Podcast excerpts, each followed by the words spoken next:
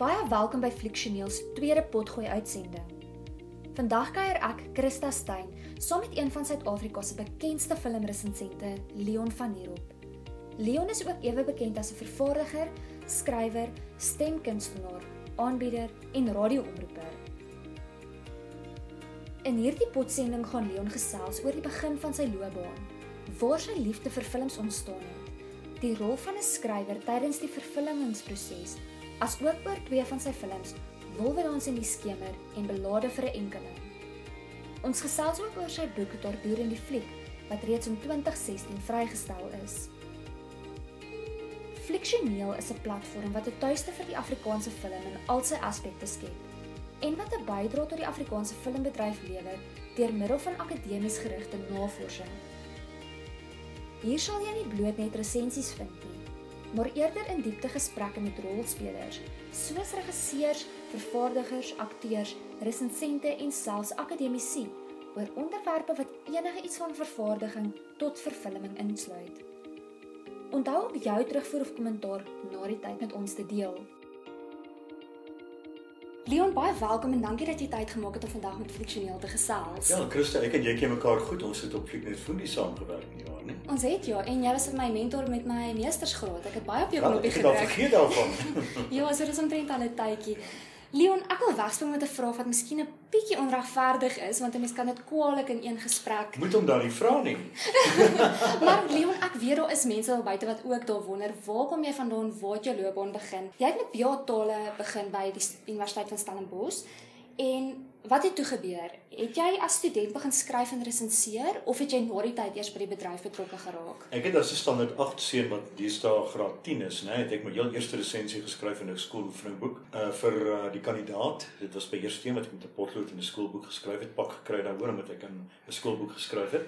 Uh so dis dis eintlik hoe dit begin het. Ehm um, so ek het Stellenbosch toe gegaan, ek het op Stellenbosch geswat. Daar het ek met 'n elektriese van my gepraat. Sy sê sy vir my daai stem met radio toe gaan. Toe dink ek, "O ja, dis interessant. Ek wil ek wil radio toe gaan. Jy weet, ek ek wil baie graag gaan." Toe sê ek vir haar, "Goed, ek gaan 'n radio toets doen." Toe doen ek 'n radiospelerstoets in 1973 by Susan van Wyk in Kaapstad in Seepunt. En ek slag hom toe en ek begin toe daar vir die radio te speel. En daar het omroepers soos Kobus Robinson my raak gesien en vir my gesê, "Wil jy nie miskien 'n omroeper word nie?" Toe sê ek, "Ja, dis eintlik wat ek wil word." Toe sê hy, "Wel, gaan doen 'n toets. Waar wil jy dit doen in die Kaap of in Johannesburg?" Toe sê ek in Johannesburg. En dis so dit begin het. Ek gaan doen ek 'n toets in einde 1974 in Johannesburg. Toe slaag ek hom en ek begin op 2 Januarie 1975 begin ek as 'n omroeper. Nou Leon, ek wil ook by jou weet, het jy aanvanklike projekte gedoen, tekste geskryf, resensies gedoen sonder vergoeding toe jy nou net in die bedryf nee, was? Nee, nee, hoegenaamd nie. Ek is gelukkig genoeg dat ek vir alles betaal is. Baie baie min aanvanklik. My eerste salaris was R193. Jy weet jy kan dink wat maak jy daarmee? Dis hoe ek begin skryf het, want ek kon nie op 193 'n maand uitkom nie, veral nie as R100 op jou lasta 323 afgegaan het nie. So dis hoe ek begin radio speel het en hoe ek begin radio skryf het. En ek het aanvanklik begin deur boeke te verwerk vir die radio. En toe het ek begin om oorspronklike stories te skryf onder die mentorskap van Rolf Jacobs. Wat ek dink soort van 'n talent raak gesien het en vir my gesê het ons sou daarvan hou as jy probeer om 'n oorspronklike storie te skryf. En toe het Frans van Heiningen van uh Springbok Radio my raak gesien want ek het vreeslik baie werk vir Springbok gedoen ek was 'n speler uh en ook 'n regisseur en toe sê vir my wil jy nie vir ons 'n storie probeer wat heeltemal anders is as enigiets anders wat al ooit geskryf is nie. Toe kom ek met Wolwedans voor uh in die skemer vorendag en dis waar dit begin het. Dis eintlik my skrywersloopbaan het daar begin. Ja, dis interessant Leon. Ek bevind myself soms in 'n posisie waar ek as jong navorser raad en leiding van 'n mentor benodig. En dis nie altyd maklik om iemand te kry wat bereid is om tyd af te staan om iemand te help nie. Uit my eie ervaring uit weet ek dat jy 'n persoon is wat altyd toeganklik is om jou kennis te deel en om mense te help. Was daar so 'n mentor by wie jy kon leer en wat 'n groot invloed op jou loopbaan gehad het? Ja, in eerste instansie dink ek 'n mens moet terugploeg wat jy gehad het. So as ek die kennis het of of iemand hulp kan gee, dan doen ek dit altyd. Want ek was 'n lektor vir 20 jaar. So ek voel ek het my skoolgeld nou betaal want ek het baie dinge het amper in my skoot geval en ek voel net ek moes terugbetaal vir wat ek gekry het. Ek het ook twee uitstekende mentors gehad wat ek reeds genoem het. Die een is Kobus Robinson en die een is Rolf Jacobs en hulle het my letterlik opgelei aan die hand geneem. Ek onthou Kobus Robinson sê my met 'n liniaal oor die vingerstuk as ek uitspraakfoute maak. So ek kom nog uit daai tyd uit. Uh, en ek het geweldig waardeer want hulle het hulle kennis met my gedeel, maar hulle het ook hulle menswees met my gedeel sodat ek kon gesien het hoe tree regtig groot geeste in die normaliteit op en dat 'n mens jou voete altyd op vas op die aarde moet hê dat jy nooit moet jou reklame moet glo nie want ek wil sê mens jouself op plakate of jy hoor jouself of jy sien jouself op televisie en mense sê vir jou hulle hou van wat jy doen en dan's mense geneig om half amper verbaand te raak of dit wel ek kan dit doen en dan gebeur daar iets wat jou baie vinnig terugbring aarde toe. Uh en en en dis ook agtergekom het maar mens moet nooit te seker van jouself raak nie, maar die oomblik wat jy oor selfversekerd is dan val jy. Ja. Leon, jy gee raad aan mense oor verskeie velde, maar ek wil graag vandag spesifiek met jou gesels oor jou bydrae tot die Suid-Afrikaanse filmbedryf. So ek wil begin deur met jou te gesels oor die resensies. Jy resenseer al 42 jaar. Dit is ongelooflik. Ek dink jy daar's 'n ander resensent wat ek ken wat al so lank resenseer nie om my waarheid te sê van almal wat saam met my begin het. Uh in 1975 het ek begin. Uh hulle is al almal dood, meeste van hulle is al dood. Baie van hulle het, het opgehou met skryf, maar dan kom 'n stadium dink ek wat mense versadigingspunt bereik en met jy voel jy niks meer om te sê nie. Maar ek het nog altyd iets om te sê. Vir my is film 'n studieveld en dis 'n onophoudelike studieveld van film verander. As jy kyk na toe ek begin fliek het, Ek het begin fliek in 1959 of 58 toe ek 'n seentjie van 3 4 4 was. En as jy sien hoe die filmbedryf in daai jare was, ek praat veral van die Suid-Afrikaanse bedryf en hoe hy nou verander het, is dit eintlik onmeetbaar. En ek het probeer om saam met hom te verander. Want jy kry dikwels resensente wat altyd praat oor oor die films van die 50er jare of oor die 30's was dit of oor die 70's was dit. Ek glo nie so nie. Ek glo elke jaar, elke dekade het sy goeie films soos ons nou in 2018 goed soos um Three Billboards Outside Ebbing, Missouri het of Call Me By Your Name en dat jy altyd moet kyk na die jongste films hoe dit verander het en hoe jy as resensent aanpas daarbey want jy kan nie die vooroordeele wat jy het of die dinge wat jy in die verlede onthou het op nou se films toepas nie jy moet verander saam met die films iets soos Black Panther byvoorbeeld uh, is heeltemal 'n nuwe genre amper wat Marvel geskep het. Jy weet hierdie feit dat hy Afrika mense en die Afrika ervaring vir die eerste keer in strokies ingebring het. Ek het dit nog nooit tevore gesien behalwe miskien in Shaft nie. So daarom moet 'n mens gedurig verander en aanpas by wat aangaan en jouself herskep of reinvent as jy is die Engelse woord. En dis wat ek as resensent probeer doen het. Ook omdat ek besef my resensies het vreemd genoeg nog 'n invloed op mense. Daarom is ek baie sensitief oor wat ek sê, vir wie ek dit sê en hoe ek dit sê want ek resenseer vir 'n sekere gehoor. Ek sou byvoorbeeld na iets soos Three Billboards Outside Ebbing, Missouri kyk en besef dis nie die soort film waarvan mense wat van Bonnie Worsheid sal hou nie.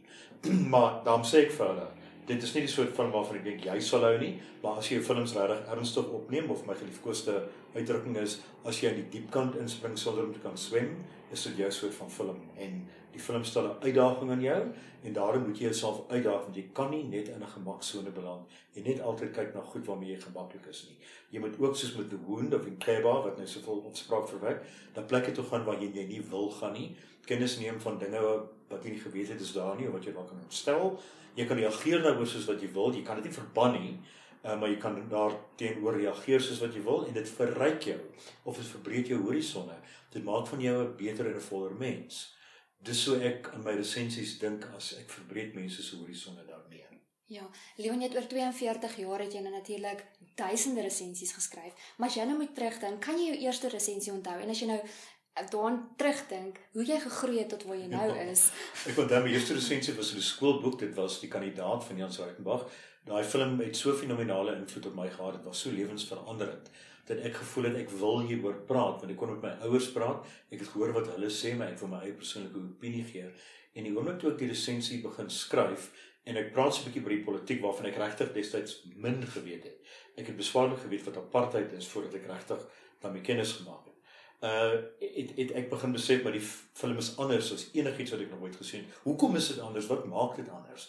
En ek onthou die een ding wat my getref het daarvan was die beweeglike kamera die feit dat die kamera 'n verteller is en ons het nog nooit dink ek tot in 1968 69 is dit gemaak het uh, uit uitgereik het ek 'n film gesien wat 'n plaaslike regisseur 'n kamera sodanig inspann dat jy amper nie dialoog nodig het. Natuurlik het jy daai dialoog nodig, maar die kamera interpreteer ook namens jou vir jou, maar laat jou ook jou eie interpretasie toe.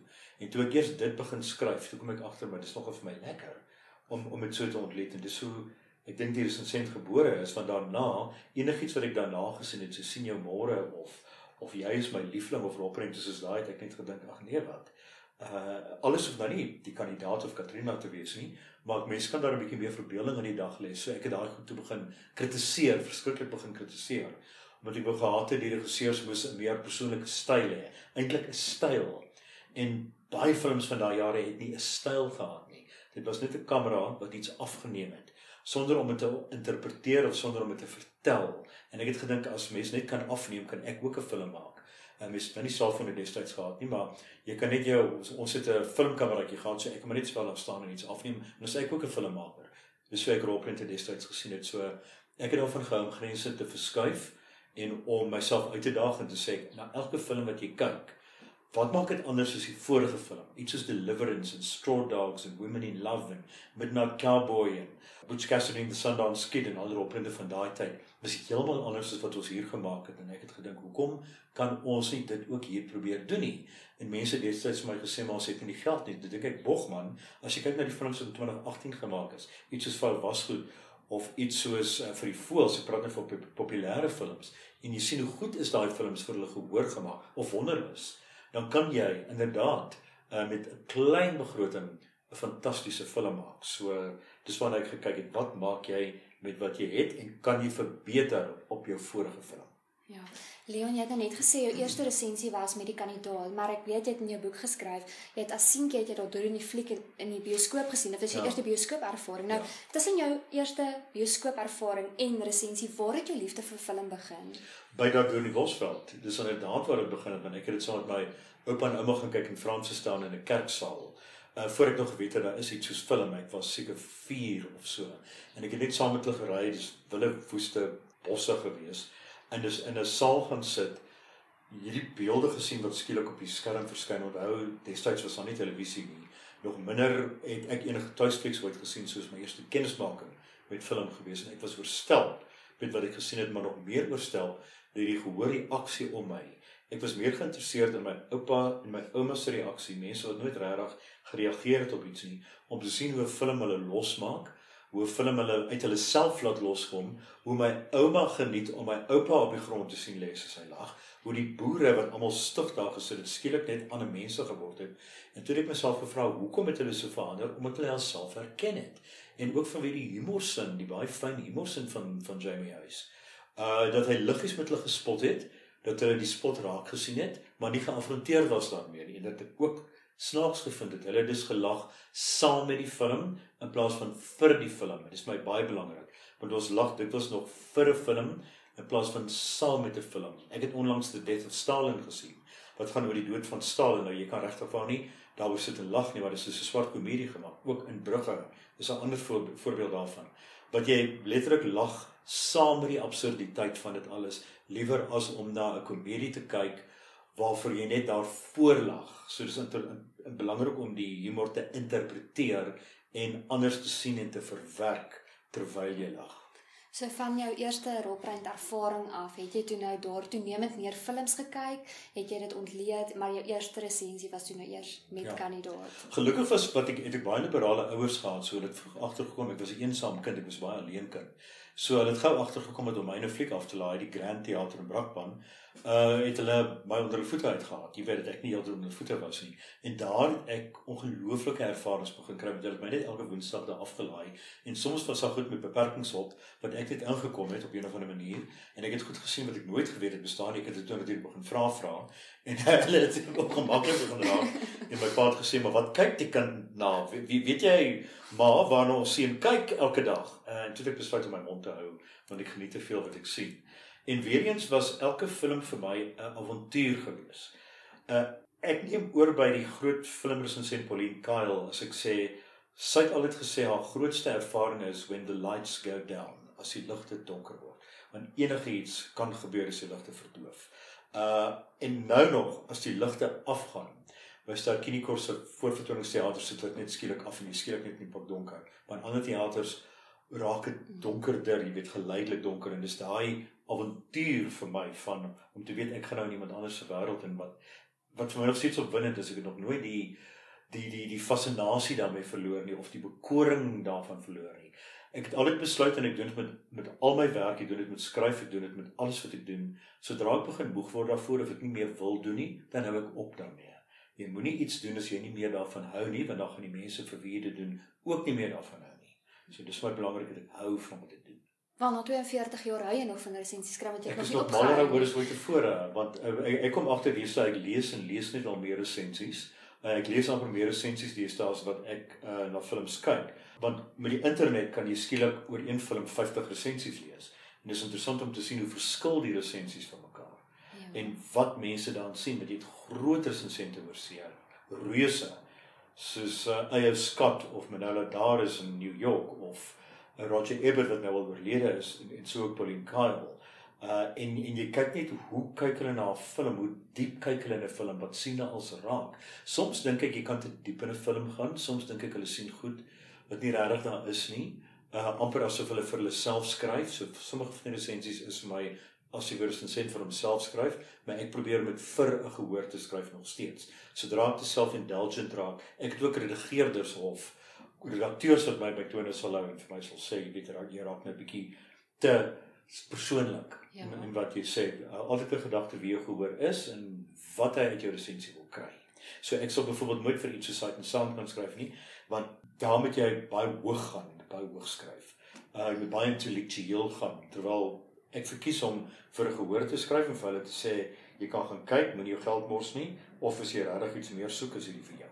Soos wat jy nou in jou loopbaan lewenslesse geleer het en by ander mense geleer het, wil ek graag by jou weet wat is die grootste les wat jy geleer het wat jy sal onthou en wat jy vir ander mense vir ander aspirant resensente kan aanbeveel. Ja, uh, om objektief te wees, om ten alle tye objektief te wees. Jy kan nie daar gaan sit want dit gebeur met baie van my kollegas. Ek praat veral van die verlede, ek praat veral van die 70 jaar wat ek onthou voor 'n film begin het. Het hulle reeds besluit wat hulle daaroor gaan dink. Sien maar dit was 'n Afrikaanse film of dit was sien maar 'n carry on film. Het hulle voor die tyd klaar besluit wat hulle gaan sê en het het ek geluister wat hulle voor die tyd sê. Dis presies dieselfde wat hulle na die tyd sê dan dink ek maar die film het my opinie verander van wat jy voor die tyd gesê het in elk geval. So moenie met vooropgestelde idees gaan nie. Dit geld veral vir iets soos The Wound. Wat baie mense met vooropgestelde idees gaan kyk het, maar ek sou sê as jy oop kop daarna kyk dan moet dit jou verander. Moet jy objektief daarna kyk, moet jy dit in perspektief plaas.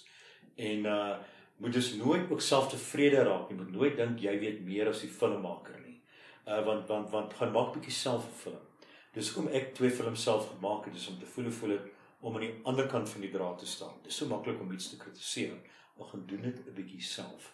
Dit beteken nie as jy resensent is jy moet self 'n film kan maak nie, maar ek dink dit is nodig dat jy weet wat gebeur agter die skerm, dat jy soms na 'n filmstel toe gaan of dat jy met filmmakers praat of dat jy net kyk na the making of dat jy sien die bloed sweet wat in 'n film gaan. Ek dink ek weet van baie min dinge wat moeiliker is behalwe om in 'n myn af te gaan en kole te kap as om 'n film te maak. Ja. Leona, voor ons oor jou twee films Wolwenaans en die skemer en Melode vir 'n enkeling gesels, wil ek net graag by jou weet, hou jy kop van hoeveel resensies jy al oor 42 jaar geskryf het? Hoe Ja. hoe hou jy telling van dit? Christa, dis dis moeilik. Ek sou sê omtrent 5000 as as ek moet kyk, jy weet wat ek het boek gehou van van elke film wat ek gesien het sedert 1970. So ek het met ander woorde nou omtrent 46 47 plakboeke wat ek sedert 1970 gehou het en elke film wat ek gesien het is daarin neergeskryf met sy punte toekenning, met sy stergradering, met alles. So alles wat ek gesien het, het ek boek van gehou. En eendag as ek dalk in 'n in 'n reistool of iets sit en niks meer het om te doen nie, sal ek dit tel om te sien hoeveel het ek gesien, maar ek het feitelik elkeen van hulle geskryf. Dis Ja. nou van die noot af, maar dis net dit verstom my eintlik om so met jou te gesels en net te hoor die moeite wat jy ook ingesit het om om dit wat jy gedoen het om dit te bewaar. Ja. Nee, ek ek ek ek, ek hou altyd 'n uh, 'n boek van alles wat ek gedoen het, ook van films. Dis wat daardeur in die fliek vandaan kom. As ek nie daai boeke gehou het nie, sou ek nie daardeur in die fliek kon doen nie. Uh en onthou ook met daardeur in die fliek, ek het met meeste van daai mense gewerk. So ek ken feitelik almal van hulle of het hulle geken, maar baie van hulle is al dood. So ek het hulle geken, ek het geluister na die staaltjies wat hulle vertel het. Ongelukkig het ek nie als neergeskryf nie, maar ek, ek het meeste daarvan onthou. En die dag toe de Villiers sterf, daardie dag het ek besluit ek moet die boek skryf want toe begin die grootes te gaan. En ek was vreeslik jammer dat ek nooit persoonlik met hom gepraat nie. Ek het saam met hom gewerk, ek het met hom te doen gehad, maar ek het nie 'n onderhoud met hom gedoen om te hoor van sy kennis nie. Die probleem is ook met sulke flamboyante filmmakers is as jy met hulle praat, vertel hulle vir jou meer van die staaltjies wat agter die skerms gebeur het, wat nie altyd vir jou kykers so interessant is nie, as hoe die film gemaak is, hoekom hulle spesifieke film gemaak het. Wat die probleme was met die maak van die film. Hulle sal net vir sê dit was geld, maar ek dink dit was dit was gebrek aan draaiboeke. Daar was feitelik nie draaiboeke nie. Uh die groot probleem in die ou dae is mens dit sou kan is die feit dat die draaiboeke op die stel geskryf is. Uh dat sewe mense aan 'n draaiboek gewerk het. Jy kan nie iets verfilm waar sewe mense geskryf het nie, want dit die styl verskil, die storie begin verskil, die storie raak nie mekaar. Daar's ook nie 'n spesifieke styl of 'n stempel nie. Ek dink as jy belade vir 'n enkeling kyk en jy sien ek het dit geskryf. Jy kan absoluut my invloed, ek praat van die teks kan jy my invloed sien en kan jy sien dit is ek en mense wat my ken sou weet ek het dit geskryf niemand anders kon nie so dis belangrik dat jy daai stempel het ja kom ons gesels gou oor jou twee films Wolwer ons in die skemer wat in 2012 vervaardig is en belade vir enkeling in 2015 nou met Wolwer ons in die skemer was jy net betrokke as skrywer en met belade was jy skrywer en uitvoerende vervaardiger so jy het ook insette gehad nadat jy die draaiboekverwerking van beide films self behartig het. Is dit normaal in die proses dat 'n skrywer so betrokke is of is daar 'n stadium waar die skrywer dan moet afstand doen van sy teks of dink jy dalk die persoonlikheid en die bereidwilligheid van die skrywer om sy teks aan te pas en te ontwikkel speel 'n rol in dit. Kom ons gesels 'n bietjie daaroor. Ja, dis dis 'n lang vraag. In Wolwenaars in die skemer het ek geen invloed gehad as vervaardiger nie. Ek het die ek het die film geskryf en dit toe oorgegee aan die aan die aan die regisseur. Maar met belade vir 'n enkeling het ek absoluut kontrole gehad oor wat daar gebeur. Ek het nie ingemeng in Quentin Krog se regie nie, want ons het seker 5 maande lank voor die tyd al begin saamwerk. So ons het elke toneel het ons tot vervelings toe deurgepraat, oorgepraat, hy het vir my gesê wat hy dink is reg, ook wat is verkeerd en ek het dit probeer regmaak. Maar onthou ook, ek het miskien daar 'n bietjie anders as baie van die ander skrywers want ek het 'n geweldige filmkennis. So as ek skryf, skryf ek visueel. Ek weet hoe ek dit sien. 'n Voorbeeld daarvan is 'n belade se bekende toneel wat hulle kaal uittrek en op die dak sit en wat te staan en skree. Ek het definitief gesien toe ek dit skryf dat die kamera rondom hulle moet gaan en voor hulle moet wees en dat hulle teen die stad moet staan en ek het Quentin net dit dikwels bespreek en oor gepraat en ek het vir hom gesê ek skryf dit spesifiek op die dak sodat jy die stad om jou kan hê. Ek het nie gesê wat jy als moet doen daar nie, maar die stad was vir my net so 'n karakter as wat die karakters is. Ek dink as 'n sommige skrywers kom op 'n stadium dat hulle nie meer kan of wil verander nie. Want jy skryf 'n storie en dan voel jy half dis nou klaar vertel. Dit gebeur nou met my uh, omdat ek vreeslik baie van ou tydskrifverhale vir my uh wat ek nou in boeke verwerk wat die uitgewer my gevra het om in boeke te verwerk. As ek weer daarna kyk, verander ek deurgangs en aanhoudende aan want die persoon wat dit in 1989 geskryf het en die persoon in 2018 is twee verskillende mense en jy kan nie meer storie vertel soos jy dit in 1989 vertel nie. Ek het te veel kennis. Maar ek het nou daai kennis so ek pas dit aan en herhaal dit. Baie skrywers voel net hulle ken nie die medium so goed nie. Hulle wil ook nie betrokke raak nie. Hulle wil net hê hulle storie moet vertel word. Daarom is baie skrywers dikwels teleurgesteld of is hulle kwaad as hulle 'n film sien. Want hulle verstaan nie hoekom seker goed weggevat is of verander is nie. Maar ek het in belade saam met Quentin deur daai proses gegaan van hoekom seker goed uitgehaal moet word en hoekom seker dinge verander moes word want die visuele medium is anders as 'n roman of selfs as televisie, uh, film is anders as televisie. So in daai geval byvoorbeeld belade die televisiereeks het geweldig baie musiek aangehad. Terwyl die film het ek vir vir Quentin gesê ek dink daar moet minimum musiek wees. Daar moet net 3 liedjies wees wat waarna mense gaan kyk want almal wat na die film gekyk sê vir my ons wil graag Fossar nooi hoor of wat ook al of tussen treine en toe ek besef my ek gaan dit teleurstel as ek dit nie insit nie so ek het spesifiek tonele geskep waarin dit gebruik kan word. Maar die res het ek soms gesê ek hoor nogal hier musiek wat soos 'n tikmasjien klink agter hierdie toneel. En Benjamin Willem of Ben Willem soos hy nou bekend is het dit gesien met die draaiboek gelees en hy het spesifiek tikmasjien klanke ingesit daar. Maar dis omdat ek die medium ken wat ek dit kan doen. Maar my raad aan skrywers is kill your darlings. Dit is wat ek nou besig is om te doen met want ek is nou weer besig om 'n film te maak. So dis wat ek besig is om te doen en die ander een is vertrou die regisseur genoegsaam om dit vir hom te gee. Moenie te veel inmeng nie, maar as 'n regisseur jou opinie sou vra, dan kan jy dit vir hom gee, maar moenie in my nie, uh, want hy weet meeste van die tyd beter. Ja, en ek dink 'n mens kan daarbey aansluit deur te sê of deur verskrywers te sê dat die boek en die film is twee verskillende verhale. Heeltemal 'n mens moet bereid wees om soos jy Ja. sê afstand Ja. te doen van Ja. dit af. Dis heeltemal wat ek onthou met belade het mense my gesê, "Maar waar's dit? Waar's dat? Hoekom is Shivas nie in nie? Hoekom het jy daai goed uitgehaal? Hoekom is hierdie toneel so kort?" Dan sê ek vir hulle daar was bloot nie tyd nie. Ja, jy kan nie jou soos met 'n televisiereeks, met televisie het jy die luukse om iets lank te vertel en aanhoudend te vertel en dan kom nog 'n episode. Maar in iets soos belade moet jy byvoorbeeld in 5 sekondes sê wat iets gesê het in 15 minute in die in die televisiereeks en ek dink nog ek het geweet hoe om dit vas te vat met een soms is die manier wat jy vir iemand 'n boek aangee is is belangriker as 10 bladsye se dialoog wat jy praat oor die boek en gee. Soms net in die gee van die boek, maar ek sal byvoorbeeld in my draaiboek skryf hoekom die een persoon vir die ander in die boek gee. Wat die betekenis van die boek is. So ek gesels met my regisseur en my spelers in my draaiboek. Hierdie is dalk 'n bietjie van die punt af, maar ek wil graag byvoeg dat skrywers ook moet onthou dat 'n regisseur 'n bepaalde invalshoek vir 'n film kies en dan 'n sekere tema of subtema in die film gaan ontwikkel wat dalk in die boek nie so 'n Ja. pertinent of belangrike Ja. tema was nie. go- Goeie vraag, want baie keer is daar ook 'n tema wat nie genoegsaam ontwikkel is nie. Wat uh, ek sien dit nou met my vervolgverhale wat ek herskep in boeke, daar sekere temas wat ek glad nie ontwikkel het nie en wat ek nou ontwikkel nou dat ek dit oorskryf, dink ek is dit 'n film gemaak moet word. En regisseur het hierdie tydskrifverhaal eers gesien, so hy ook gevra het, soos my redigeerders inderdaad vra, hoekom ontwikkel jy nie hierdie tema nie? So so 'n koue buitehoog is dikwels van kardinale belang want jy raak verlief op jou eie werk.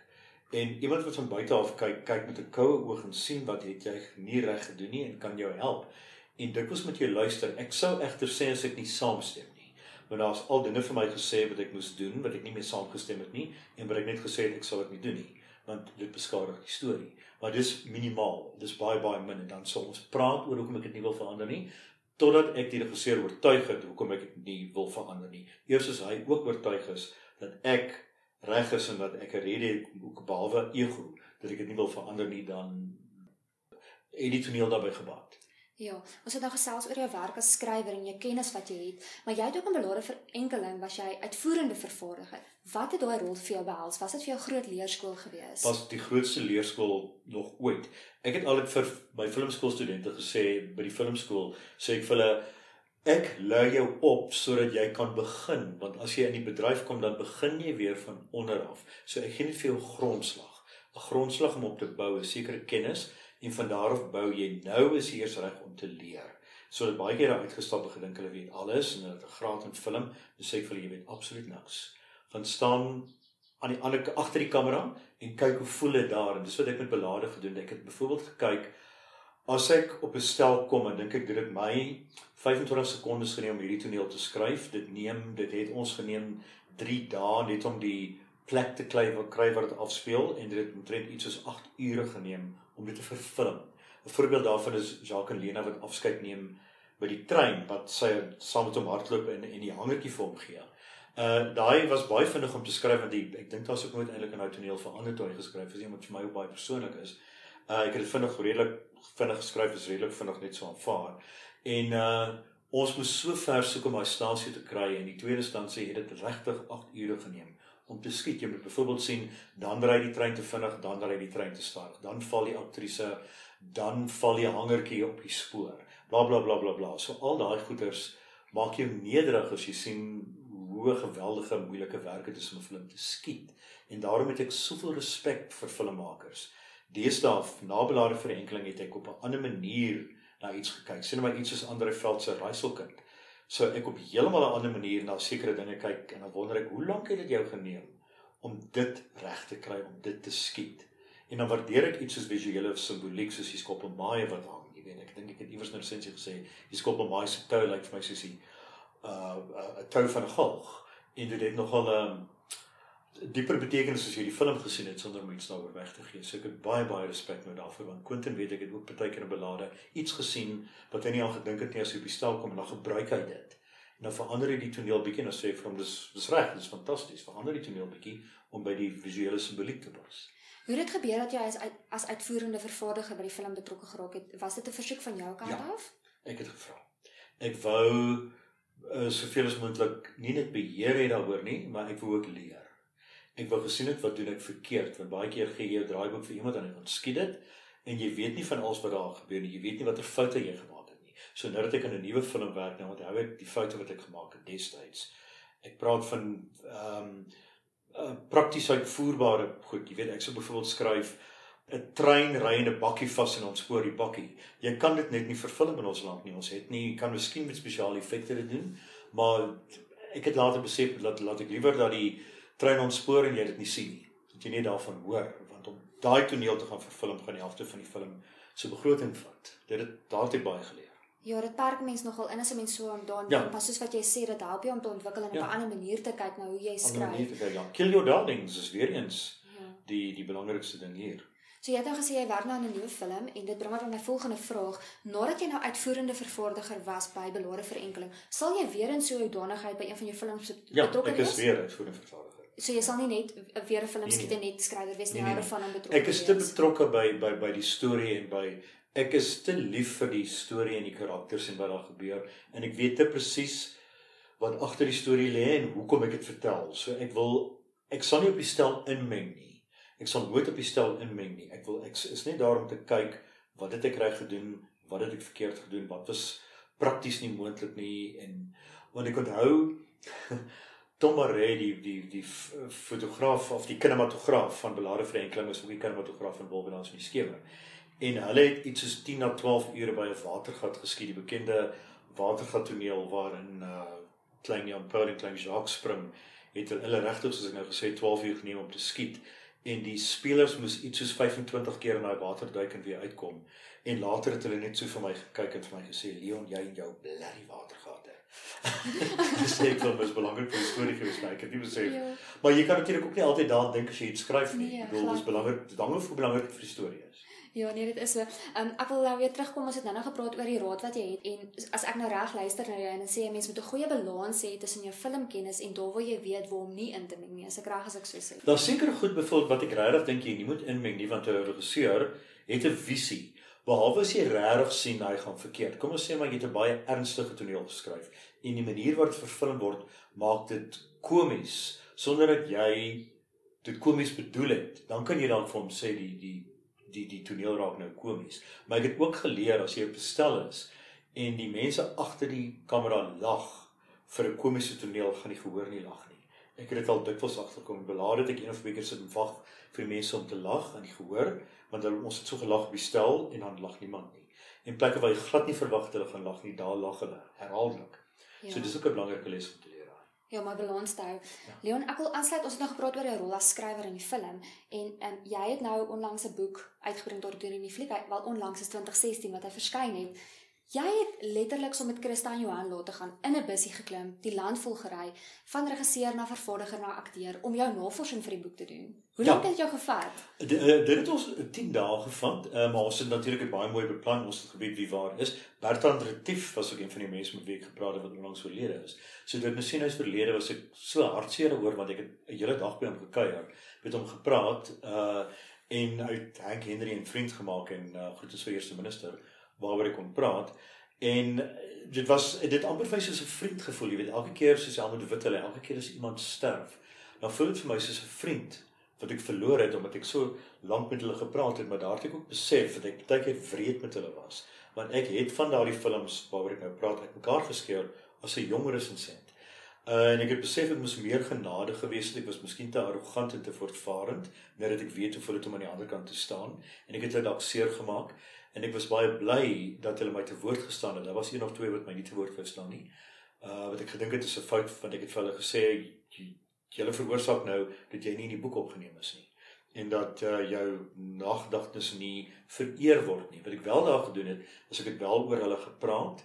Ek sou wel na hulle verwys, maar ek kon nie onderhoud oor hulle plaas want ek kon nie met hulle praat nie, maar ek kon nog steeds sê wat hulle gedoen het. So ek het niemand doelbewus net uitgelaat omdat hy of sy vir my kwaad is of andersom.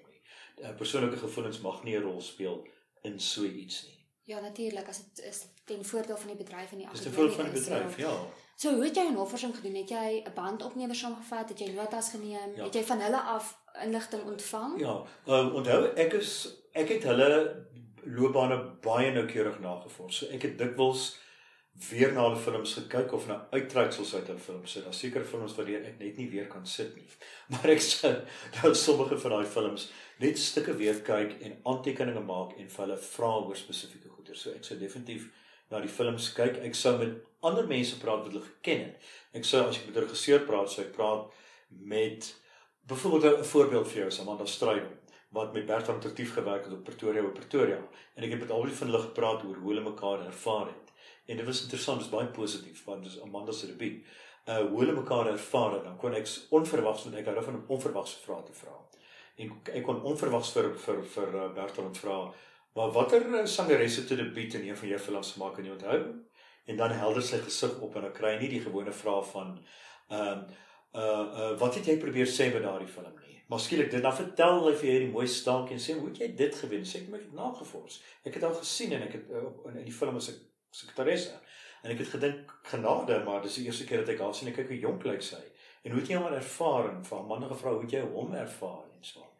So ek was baie baie deeglik voorberei, maar sommige mense het die interessantste vir my gedoen en daar het ek respekteer wat hulle my gevra het. Ek het met hulle gepraat en dan uh skakel lads Johan laat gaan die kamera af of Andre van die Heever wat die kinematograaf was. En dan sal die regisseur vir my sê nou gaan ek vir die regte storie vertel. Is hy kamera af. En ek gee hierdie wonderlike staaltjies vir jou wat jy net besef jy kan dit nie met die publiek deel nie, want dit het niks met hulle te doen nie. Dit gaan baie mense in die skadu's in die in verleentheid stel. Uh so ek kan nie daai goed vertel maar ek het al daai kennis in my kop. En dalk eendag, eendag, eendag as ek baie oud is, sal ek dalk 'n biografie of dalk as ek dit doen die fliek oorskryf, sal ek van daai staaltjies vertel. Ja, Leon, nou dit was nou die lekker kant die navorsing wat jy met die mense gesels het, maar toe jy nou by die skryfproses kom, is daar uiteraard uitdagings. Wat was vir jou die grootste een? Is om al daai kennis te kanaliseer in 'n boek in. Want onthou 'n televisiereeks het jy 35 uur se onderhoude wat laats gelukkig besny na 26 en 30 halfure. Uh ek het dan party van daai onderhoude weer gekyk ek het later so oorweldig geraak met al die inligting dat ek later besluit het om nie meer na daai onderhoude te kyk nie, maar daar's so baie dat daai boek sou dubbel so dik gewees het as wat dit was as ek als geskryf het wat ek gesien het uh of, of van gehoor het. So ek moes leer om te verskraal. ek moes besluit so en so regisseur was belangrik om hierdie en hierdie rede. Baie regisseurs wat nie goeie films gemaak het nie. So belangrikste bydrae was egter om ons te leer om kommersieel te dink was om ons te leer om te dink wat werk vir die publiek, wat wil die publiek hê. Ongelukkig het hulle net elke keer dieselfde stories op dieselfde manier vir dieselfde publiek gegee, waaroor ek hulle gekritiseer het ook in die boek. Maar uh ek sou ek sou op daai manier ook ook baie geleer het en dit besluit ek skraal net bietjie af. Uh ek moenie oorweldig word deur die inligting in daai boek wat jy daar sien. Ek het seker 25% het hom gesny reeds. Ek en die redigeerders het gepraat en die redigeerders het vir my sê jy herhaal jouself jy sê dieselfde ding oor kom ons sê net maar Marie de Tooi wat jy in bladsy 50 gesê het sê weer oor haar in bladsy 178. Uh so wees bewus daarvan dat jy dit doen en dan haal ons een van die twee uit. Ja, dis belangrik nie. Leon, die volgende vraag wat ek jou vra is weens die gebrek aan betroubare bronne oor die geskiedenis en ontstaan van die filmbedryf Is dit 'n uiters moeilike taak om te bepaal watter bronne om te vertrou en watter om net uit te laat? In my eie studie oor die bedryf was dit soms vir my 'n groot frustrasie wanneer bronne nie ooreenstem nie. Ek bedoel 'n mens sit met die media voor jou, jy sit met die met die film omhulsel voor jou, jy sit met boeke en met internetbronne voor jou. Dan stem daar net dan sou net inligting wat nie ooreenstem nie, spelling, ja. name, veral spelling, hè. Ja, en die skryf van hom en partykeer sommer inligting, produksiehuise wat net nie dieselfde is nie. Hoe het jy geëvalueer watter bronne betroubaar is om te gebruik? Die die die film self, ek sou meeste van my inligting op die film self grond. Met ander woorde, soos jy self weet, kyk net het omtrent 90% van al Afrikaanse films aangekoop. So ek sou daar gaan sit en ek sou na die titels kyk. Ek sou die titels op die film bekyk. Wat dikwels soos ek goed daar ook verkeerd gespel gewees, jy weet daar so 'n akuut weggelaat wees of hoe ook al. Maar die produksiehuis wat dit vervaardig het, is feitelik altyd daar want hulle was trots op hulle self. Soos Brigadier Films is maar voorbeeld. So ek sou baie van dit daarvan af afgeneem het. Die nadeel is titels was nie destyds so belangrik gewees nie. So die tegnisie se name is nie altyd genoem nie. Vandag is daar 5 na 7 minute krediete na die film geloop het. Destyds het hulle als probeer indruk voor die film begin het en dan het hulle aan die einde net gesê die einde of hulle het net weer die spelers se name genoem. Dit was my baie jammer dat verskriklik baie mense verdwyn het in daai opsig want ongelooflik baie mense wat agter die skerms gewerk het, is nooit vereer nie, se name is nooit genoem nie. Want ek sou praat met iemand, ek noem net maar net 'n naam. Soos kom ons sê net my Elmo de Wit. Uh, en ek sou met hom praat en hy sou vir my sê, maar ek het op daai film in 1964 het ek gewerk as 'n runner. Ek was 'n daar's nie eintlik Afrikaans vir runner nie, ek was die drawer, die persoon wat dinge heen en weer neem. Uh, en toe sê ek hom, ek het dit nie geweet nie, dit staan nie daar geskryf en hy sê ja, nee, maar hulle het nie omgegee oor ons daar agter nie. Jy weet, daar was net 'n hele span en ons was nie belangrik nie. Die sterre was belangrik, die regisseur was belangrik. En ek het so respek vir die mense wat klank doen, vir mense wat stel in kleding doen. Maar destyds het omtrent die regisseur omtrent alself gedoen, hè. Ek dink amper nie daar was iets soos stel in kleding nie. Ek onthou ek het met iemand soos June Seymour gepraat wat vreeslik baie op stelle was en oorklank ook gedoen het. En sy het vir my gesê dat hulle so baie van die goed self gedoen het daar dan staan nog mense wat gesê het hulle het self die draaiboek geskryf of self die draaiboek oorgeskryf of of so. So dis jammer dat daai goed verlore gegaan het, maar ek het ge toegespits op wat op die film staan en dan het ek natuurlik na IMDb.com gegaan want hulle is die tweede belangrikste wanneer jy kan kyk, maar daar ook is spellings die dieselfde nie. Hulle sal met Andrei byvoorbeeld nie akkie op die E sit nie, want hulle het nie akkie nie. So ook toe ek fliek net fundies gedoen uh, het ek verskriklik baie dae gekyk en die feite daar gekyk en ek het gedink as iemand met my sou stry waarheen verwys ek die persoon? En IMDb.com staan bekend as die Bybel van film. Nie noodwendig altyd Afrikaanse film nie maar van film. So ek kan hulle daarheen verwys. Of mens kyk fisies na die film self sien wat daar wat daar geskryf is. En dan natuurlik wat nie betroubare bron is nie is om die mense self te vra wat hulle vergeet baie van die mense vergeet. Ek sou byvoorbeeld vir 'n regisseur sê, "En onthou jy so en so wat saam met jou gewerk het?" En dan sê hy, "Nee, hy het nie saam met my gewerk nie." Dan sê ek, "Ja, nee, hy het eh, sy naam is op die film." Dan sê, "O ja, nee, nou onthou ek. Jy weet nie as jy my nie herinner het nie, sou ek dit nie geweet het nie." So jy kan nie altyd vir hulle vra nie. Ja, nee Leon, ek het ongelooflik respek vir jou want iemand wat ek is 'n student ook in die in die filmbedryf en ek verstaan presies wat jy sê en ek stem 100% saam met jou. Groot frustrasie, hoor. Veral met Fliek ja. net van die, so 'n geweldige frustrasie want jy was nooit regtig seker as jy oor ou na ou films kyk. As jy byvoorbeeld sê wie het die rol gespeel van so en so se seun? 'n So en so se seun dikwels nie eers in die krediete genoem nie. Of daar sal net staan, ek noem maar 'n naam, Rolf van Jaarsveld en jy weet nie wat het Rolf van Jaarsveld gedoen nie. Later sou ek agterkom hy was die klankingenieur of die redigeerder want hy het dit vir my gesê, maar dit sal nie altyd op die film gestaan het nie. So baie van die inligting het natuurlik ook gekom wat ek met mense gesels en hulle wil graag hulle inligting met my deel. En hulle sal soos Rolf byvoorbeeld sê, "Ag, toe ons breekpunt vir daandertief geskied het, dit en dit en dit en dit en dit het gebeur." En ook baie inligting het ek van Jamie hy se seun gekry, Wynand wat ook vir my baie dinge gesê het wat niemand van weet nie wat Nadoor nie fliek is maar die kamera seker goed gesê het, interessant goed gesê het. En ek het baie inligting oor sy pa van hom gekry, maar daar is behalwe met jou nou stem dit natuurlik. Is daar min mense wat regtig van Jamie Huys weet, ook die Troskies. Maar hulle vertel vir jou sekere dinge, maar daar's sekere dinge wat ander mense vir jou sê wat nie eens hulle weet nie en wat in die boek voor. Ja nee, dis baie waardevol. Ons so kom ons gesels gou oor fliek net fundies. Hoe op die aarde hou mens kop van al daai vrae en al daai inligting? Uh soos jy self weet Christa wat wat ook daar was. Uh ek het 1200 vrae in 4 weke uitgedink. Want ons was kort voor om die film om die produksie te skiet. Jy weet hoe kort skedule was dit gewees. Die probleem was ek het later begin en daar het mense soos jy en die vervaardigers my regtig op my tone gehou vir my te sê jy het dieselfde vraag al gevra want ek het 1200 vrae gestel. Ek kan nie onthou dat ek oor die kandidaat twee vrae gevra het nie.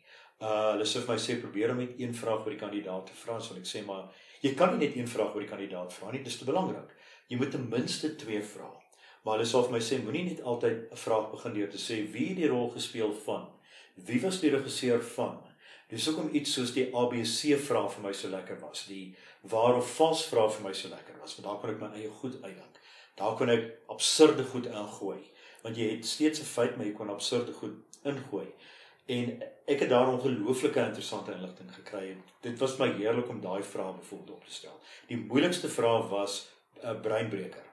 Want daar moes jy sorg dat die vraag, vraag wat jy vir deelnemer A vra, ook dieselfde is wat die vir deelnemer B vra. En jy weet self, toe ons op die stel kom, kort voor ons begin skiet baie keer iemand vir my sê, "O, magtig. Uh hierdie vraag 13, het jy al gevra in die vorige episode jy moet nou met iets anders voor 'n dag kom. Dan sê ek maar ek gaan nou op kamera. Wat vir my lekker was was omdat ek weet ek het die kennis en ek vertrou myself kon ek op my voete dink. Ja. So uh Dis baie interessant. Ek hoop regtig die mense kyk ook na die reeks en kyk en simpatie hê met die vraestel. met die mense wat die vrae het. Want en natuurlik die arme mense wat dit moet antwoord. Ja, uh, hier is nog iets ja, anders. Ja, ja, ja, want die by die senuwees. Ek het vergeet van senuwees. En as ek voor hulle staan en vra vir hulle vrae en ek kan dit nie antwoord nie, is 'n maklike vraag gedink ek. Maar Christa, hoekom kan jy nie daai hoekom hoe weet jy dit nie? Ek sou dit nou nie sê nie, maar ek sou net my kop dink, hoe weet jy dit nie? En dan sal ek sê vir myself gestaan, jy bietjie daar en kyk in hierdie paar oë wat ek weet ek het uh my skoolhoof o en my skoolhoof stem en antwoord daai vraag. Jy weet, so ek het baie respek vir die deelnemers gekry vir hulle senuwees en die manier wat hulle dit hanteer. Was dit ook vir jou 'n 'n sanitaire oomblik om self ook op stel te wees en daai vrae te vra? Was dit vir jou 'n Nee, nee.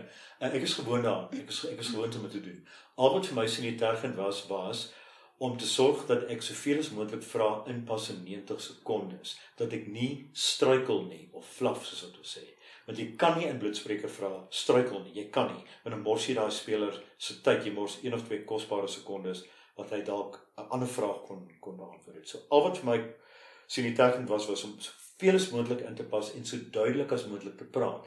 Want ek is geneig om baie keer vinnig te praat. En dan sal ek hoor hulle vra vir my Molly en wors of Molly of wors? Dan dink ek maar van hierop jy moes duideliker gepraat het. Want dan mors jy die ou se tyd deurdat hy vir jou die vraag vra Leon, um, ek wil gou hoor, dit is nie die eerste keer wat jy by 'n filmreeks of program op televisie betrokke is nie. Jy het al um fliekflikkers het jy ook gedoen, onder ja, andere. Ek het ek het ek het verskriklik baie resensies uh gedoen vroeër jare. Ek het omtrent vir 10 jaar het ek op kamera resensies gedoen vir verskeie televisieprogramme soos GMSA. Jy weet vir vir vir programme soos daai het, het het het ek gedoen. So ek was redelik gewoond ook om regstreeks aan te bied. So ek het baie baie jare regstreeks aangebied en geleer om so min as moontlik foute te maak en die kamera te respekteer. So ek was nie senuweeagtig geweest daar nie, ek was net senuweeagtig oor die tyd waarin ek was onthou hulle tel in jou ore af, né? So jy hoor 15, 14, 13 in jou ore terwyl jy die vraag vra en dan moet jy vir oh, ek moet vinniger, ek moet vinniger jy moenie Ja, Leon, veral nou met Flieknet Fundies wat nie net Afrikaanse film maar ook ehm um, internasionale film is. Hoe belangrik dink jy is so 'n program vir die skep van 'n rolprentkultuur in Suid-Afrika? Absoluut. Absoluut baie belangrik. Ek is so bly kyk net het dit gedoen. Want uh mense leer om met 'n ander oogpunt na films te kyk. Mense se fliekkennis word verbreed of hulle sê vir mekaar, "Hy weet jy hoe lanklaas het ons Deliverance gesien? Ons moet miskien weer Deliverance uitneem." Of op uh, Showmax daar nog kyk. Onthou jy nog Deliverance? Of hulle sal sê, "Sjoe, daai film lyk vir my so interessant het nou uittreksel gesien." Of jy, ons het al vergeet van iets soos uh, Katrina.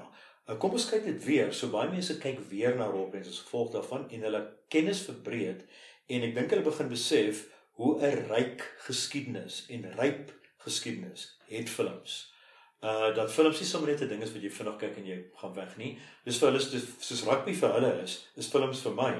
Uh ek, ek wil al daai kennis hê en versamel en ek dink hulle gaan later films so nee, sal seker nooit films so belangrik as rugby nie, maar films begin respekteer en begin verstaan hoe belangrik is films en dat daar 'n filmkultuur is. Dat daar mense is van almal het altyd gedink ek is 'n freak omdat ek so baie fliek en omdat ek so baie resenseer.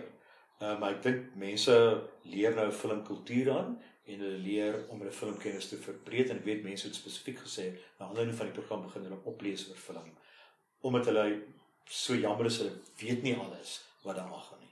Ja, Leon, so net vir ons afsluit, jy het al 31 boeke op jou kerfstok. Ongeveer 42 jaar se resensies, verskeie toekenninge en twee films. Is daar nog 'n droom wat jy in jou loopbaan sal wil bereik?